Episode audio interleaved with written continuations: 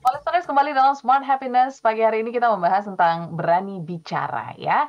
Berani bicara uh, ketika melihat sesuatu hal yang tidak sesuai dengan mungkin um, apa value-value yang ada di sekitar kita itu juga mungkin menjadi salah satu dorongan gitu ya Pak Arfan ya untuk kita bisa belajar pagi hari ini. Tapi kalau ngomongin tentang bicara gitu Pak Arfan, mungkin banyak orang yang merasa takut gitu ya untuk bicara, untuk mengeluarkan suaranya. Kira-kira faktor-faktor apa sih yang bisa kita um, cermati gitu ya, supaya kita berani bicara? Tidak hanya mungkin melihat value, tapi mungkin dari sisi diri sendiri seperti pride, ego, itu itu mempengaruhi nggak?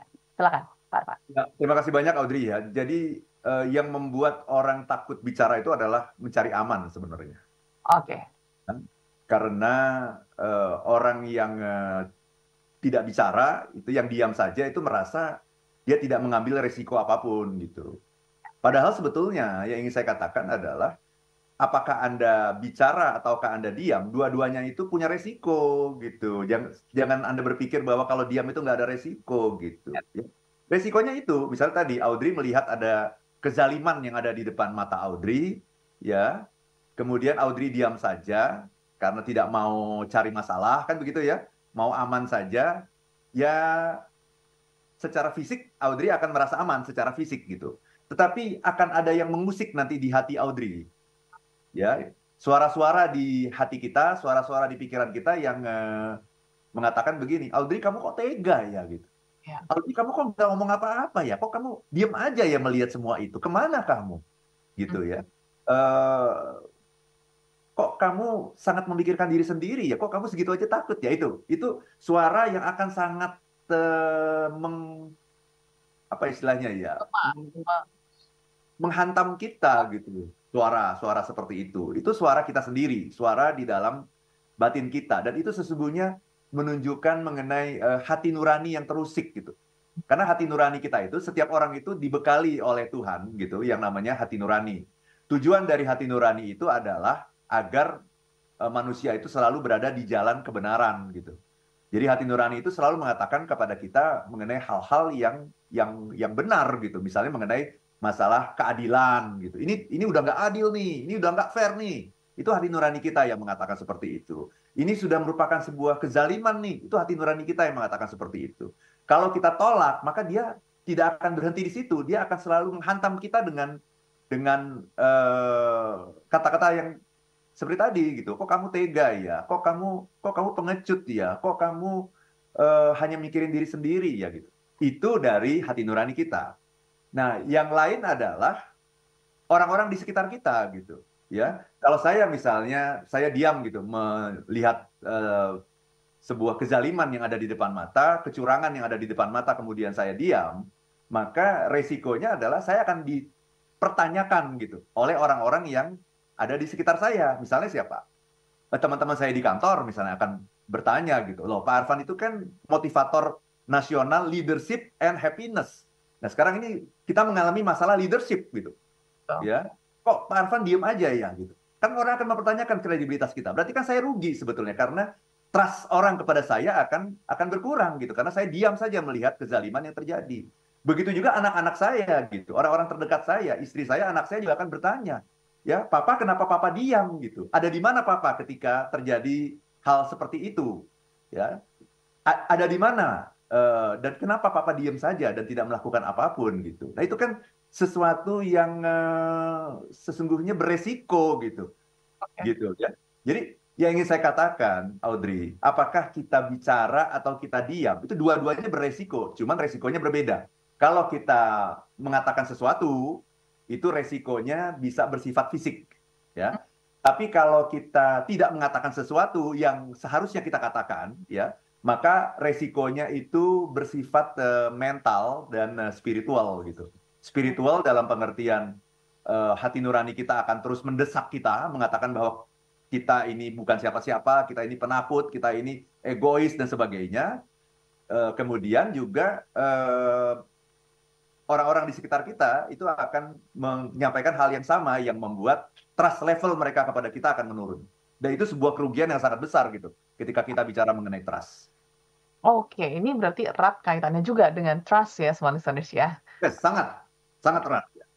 kita nggak pengen gitu ya dicap orang sebagai orang yang tidak bisa dipercaya, apalagi di dunia profesional gitu ya dengan uh, ucapan kata-kata kita ataupun kediaman kita seperti itu. Aku izin bacakan beberapa respon yang sudah masuk ya, Pak Arfan ya. Nanti mungkin tanggapi. Kita ke YouTube dulu. Ada Bapak Budi Trendy, selamat pagi. Katanya Pak Arfan, siapa yang banyak bicara akan banyak melakukan kesalahan. Setuju nggak Pak Arfan? Um, kalau bicaranya tidak berkualitas, ya maka harus ada persiapan gitu. Jadi jangan menggunakan kalimat ini sebagai alasan, sebagai excuse bagi Anda untuk diam gitu. Gitu ya. Ya semakin banyak bicara ya kalau Anda bicaranya nggak berkualitas pasti akan banyak kesalahan. Semakin bicara kalau Anda bicaranya tidak ada persiapan, main ngomong saja pasti akan banyak kesalahan. Oh. Tapi itu semua bisa di bisa di minimize kalau kita punya planning yang baik gitu. Itu Audrey. Yes, kita sambung lagi ke Pontianak. Cuacanya cukup berawan. Selamat pagi Pontianak. Kalau dari Pak Alex Andaro, Pak Arfan, kita harus membenarkan sesuatu, jangan ragu untuk mengatakan kebenaran. Apalagi nih sebentar lagi masa pemilu. Jadi kalau lihat kecurangan dalam pemilu, penghitungan suara jangan ragu untuk melaporkan ke yang berwajib. Oke, ajakan sekali. Ya. Betul sekali. Jadi memang uh, kita harus berani gitu ya. Kalau kita lihat pemilu sekarang ini, saya harus mengatakan ya, ini pemilu yang paling memprihatinkan loh dalam sejarah Indonesia gitu. Ya, ini pemilu yang paling memprihatinkan gitu. Karena dari awalnya saja ya kalau kita lihat prosesnya kan itu dari awal kan. Dari ya. awalnya saja ada orang yang sebetulnya tidak berhak menjadi uh, calon gitu, kemudian diloloskan oleh Mahkamah Konstitusi Bahkan kemudian Mahkamah Konstitusi itu ya kemudian ketuanya itu diturunkan ya eh, dan sekarang Anwar Usman itu masih berusaha untuk memperoleh posisi sebagai ketua Mahkamah Konstitusi lagi. Jadi ini luar biasa gitu. Ya, jadi uh, Jim Lee Asidik gitu ya, saya kira seseorang yang cukup uh, netral ya yang sangat kita hargai kredibilitasnya sebagai hakim MK-MK sudah mengatakan ini pelanggaran etik berat gitu pelanggaran etika berat gitu. Nah, kalau sudah seperti itu ya tentu saja hasil dari keputusannya mestinya mestinya melanggar kan? Seperti itu. Jadi karena awalnya sudah melanggar, ujungnya semua pasti melanggar. Tapi kemudian kan diteruskan. Nah, setelah diteruskan kemudian kan kita lihat gitu fenomena yang terjadi saat saat ini apa gitu ya bahwa uh, aparat negara itu kemudian sudah melakukan banyak sekali keberpihakan gitu ya dan ketidaknetralan gitu. Termasuk presiden. Ini yang harus saya sampaikan secara terang-terangan gitu. Karena karena saya sayang sama Indonesia gitu. Karena saya cinta dengan negara ini. Kita harus menyampaikan itu gitu ya. Bahkan sekarang ini sudah ada di uh, beberapa tempat ya di Jogja misalnya guru besar UGM sudah bersuara. Kemudian kemarin dari guru guru besar UII itu sudah mengatakan Indonesia ini darurat kenegarawanan. Tuh bayangkan itu. Ya jadi ini harus berani kita katakan gitu tentunya dengan cara yang sebaik-baiknya gitu bahwa uh, Pak Jokowi sudah waktunya uh, kita harus kembali kepada kebenaran, kebaikan, kejujuran gitu ya. Jadi ini sudah tidak sehat gitu. Kalau saya melihat ini, ini sudah sudah waktunya kita untuk uh, kembali ke jalan yang benar gitu. Karena saya melihat sekarang ini ya, yang namanya bansos itu sesungguhnya ya kalau kita cermati ini sudah masuk ke dalam kategori money politik sebetulnya gitu. Ya, jadi kita harus berani gitu dan berani menyuarakan ini suarakanlah kepada orang-orang terdekat kita gitu. Suarakanlah di sosial media gitu ya dengan cara yang baik ya dengan cara yang baik saya tidak ingin mengatakan pilih satu dua atau tiga gitu. tidak bukan itu bukan itu uh, wilayah saya gitu tapi saya ingin mengatakan gitu bahwa ini kalau kita melihat ada hal-hal yang tidak pada tempatnya terjadi ya maka kita sebagai orang yang uh, punya akhlak gitu punya moral punya etika kita harus berbicara karena kalau tidak orang akan mempertanyakan kualitas Anda itu apa gitu. Kok Anda tidak berbicara gitu. Dan Anda akan ditanya gitu oleh eh, kalau saya saya akan ditanya oleh oleh anak saya gitu ya, oleh uh, para audiens saya gitu semua akan bertanya. Katanya ngomong leadership, kok begitu melihat hal-hal seperti ini Pak Arfan hanya diam, takut ya gitu. itu sangat berbahaya gitu kalau saya ditanya seperti itu gitu. Aha, oke. Ini juga mungkin bisa men apa ya, men-highlight juga ya, uh, pesan yang disampaikan Pak Arfan dari Pak Gunario. Mengkomunikasikan isi hati memang penting, tapi metode waktu berkomunikasi juga tidak kalah penting. Nah, ini ya, melihat metode dan juga waktu komunikasi kita, Pak Arfan. Ya, setuju ya. Jadi sampaikan itu dengan cara yang baik gitu ya. Banyak orang yang menyampaikan kebenaran tapi kemudian mendapatkan kritikan ya, sinisme dan sebagainya karena menyampaikannya tidak dengan cara yang baik gitu. Jadi supaya kita bisa menyampaikan dengan cara yang baik gimana caranya? Intentionnya harus dibenerin, niatnya harus harus dibenerin gitu. Kita menyampaikan sesuatu itu seperti saya ya, saya, saya sampaikan pagi ini because I care gitu, because I love Indonesia gitu. Dan saya merasa ini masih bisa diselamatkan gitu. Dan saya bicara langsung ya bukan menyindir-nyindir saya tadi bahkan saya menyebut nama ya Pak Jokowi tolonglah Pak ya kita semua cinta Indonesia ya marilah kita jaga gitu ya suasana uh, masyarakat kita suasana kebatinannya menjelang pemilu ini dengan sebaik-baiknya gitu ya kalau ada hal yang salah kemarin masih ada waktu Pak untuk di untuk diluruskan lagi gitu justru itu kita harus berbicara itu untuk saling mengingatkan gitu ya jangan sampai kita membiarkan gitu sesuatu yang uh, mestinya tidak terjadi itu terjadi gitu jadi itu harusnya ditanggapi dengan penuh lapang dada, dengan penuh rasa syukur gitu sebagai sebuah cara dari sesama anak bangsa saling mengingatkan untuk kebaikan karena kita cinta Indonesia. Itu ya.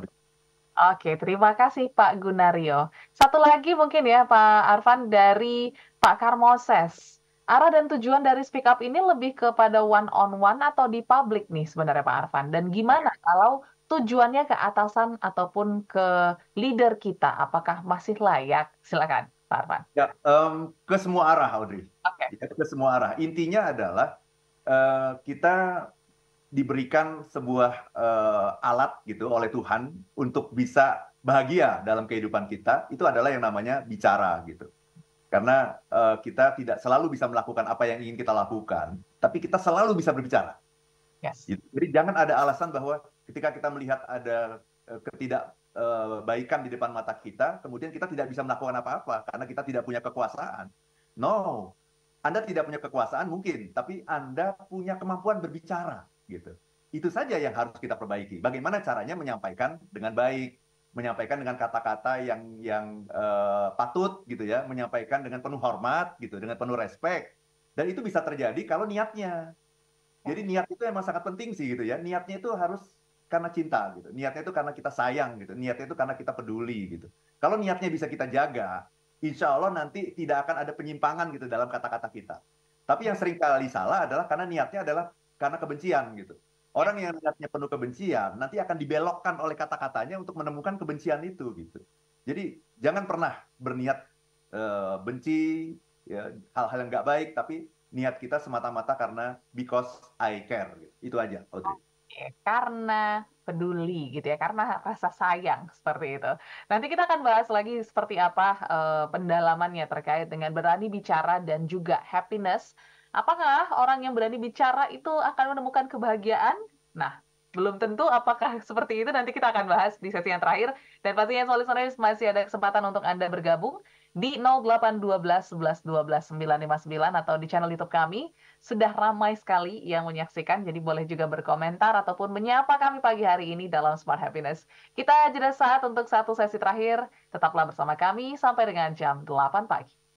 Ya, kita sambung lagi small listeners uh, terkait dengan berani bicara. Pak Arfan, kita balik lagi gitu ya ke topik ini. Mungkin ini juga berkaitan dengan anger management karena kalau kita ngomongin bicara, kadang itu kita terlalu melibatkan perasaan kita gitu ya. Untuk apalagi se untuk sesuatu yang sensitif, untuk menyuarakan sesuatu yang uh, sepertinya uh, banyak terlibat perasaan-perasaan di dalamnya. Gimana sih supaya kita bisa tetap mengontrol apa yang kita bicarakan dengan perasaan yang ada dalam hati kita? Silakan, Pak Arfan.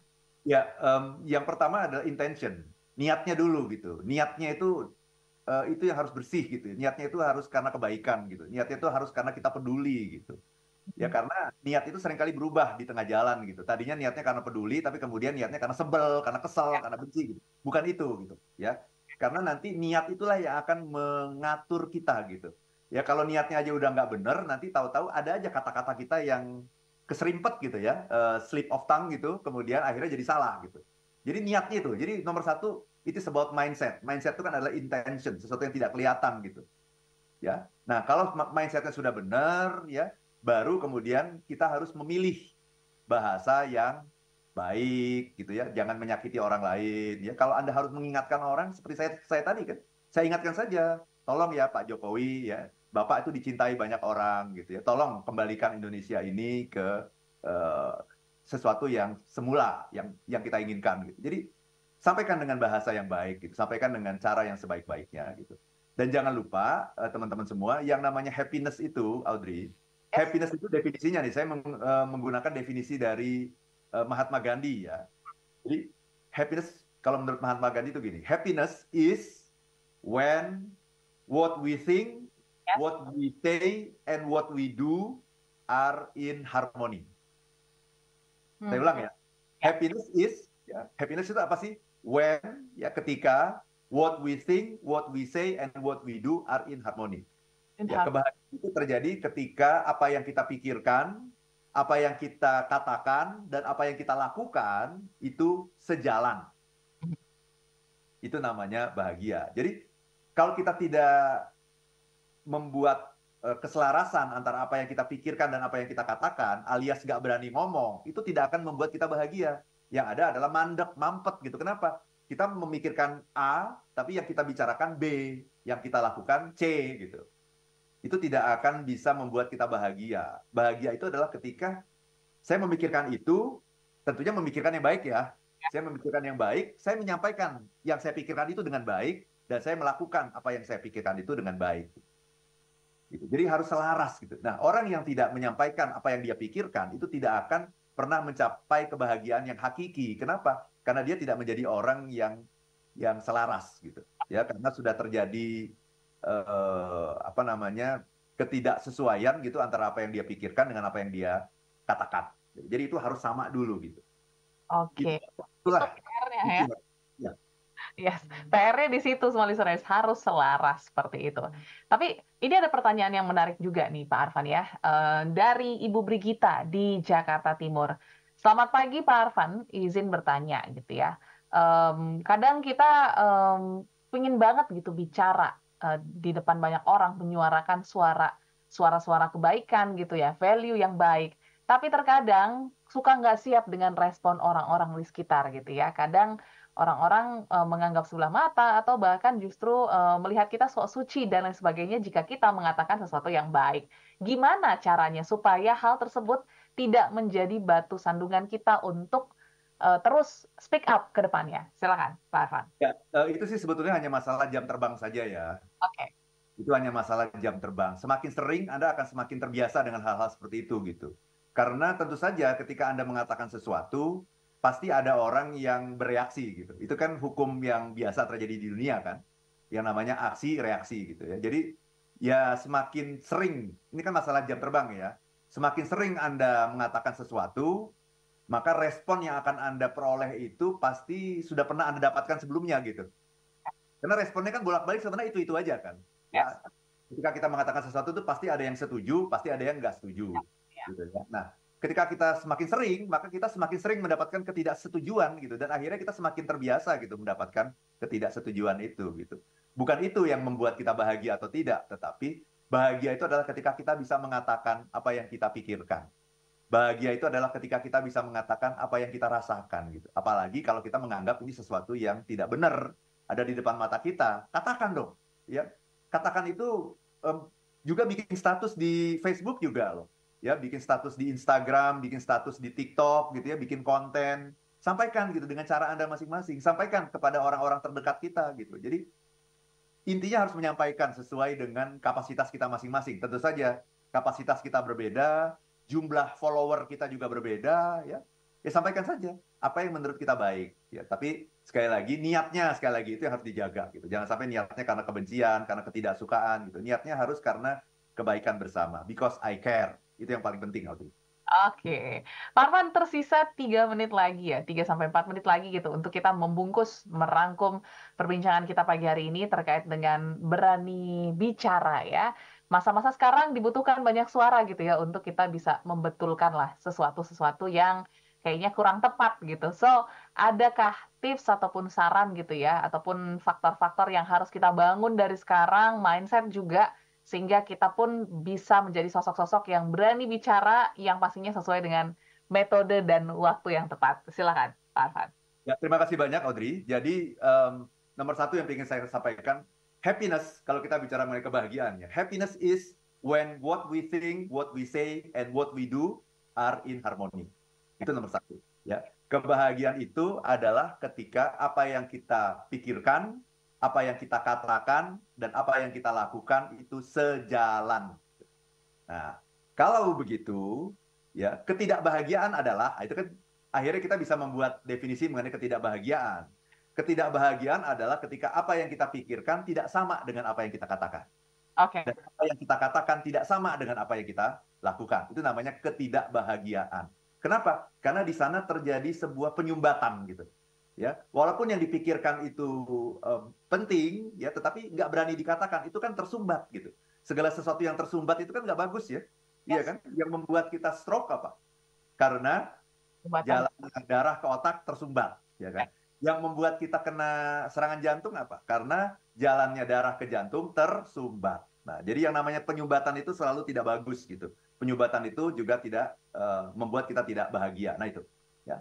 Nah, berarti yang kedua adalah kalau begitu ya, kalau apa yang Anda pikirkan baik, maka jangan ragu-ragu untuk menyampaikan apa yang Anda pikirkan gitu. Ya, karena kalau ditanya mana yang lebih baik, berbicara atau diam, ya, maka saya ingin mengatakan dua-duanya baik gitu. Ya, tapi catatannya satu, ya apa pun yang yang Anda pilih itu harus memberikan value. Kalau Anda memilih diam, ya karena sudah terlalu banyak orang yang berbicara, mungkin diam lebih baik bagi Anda.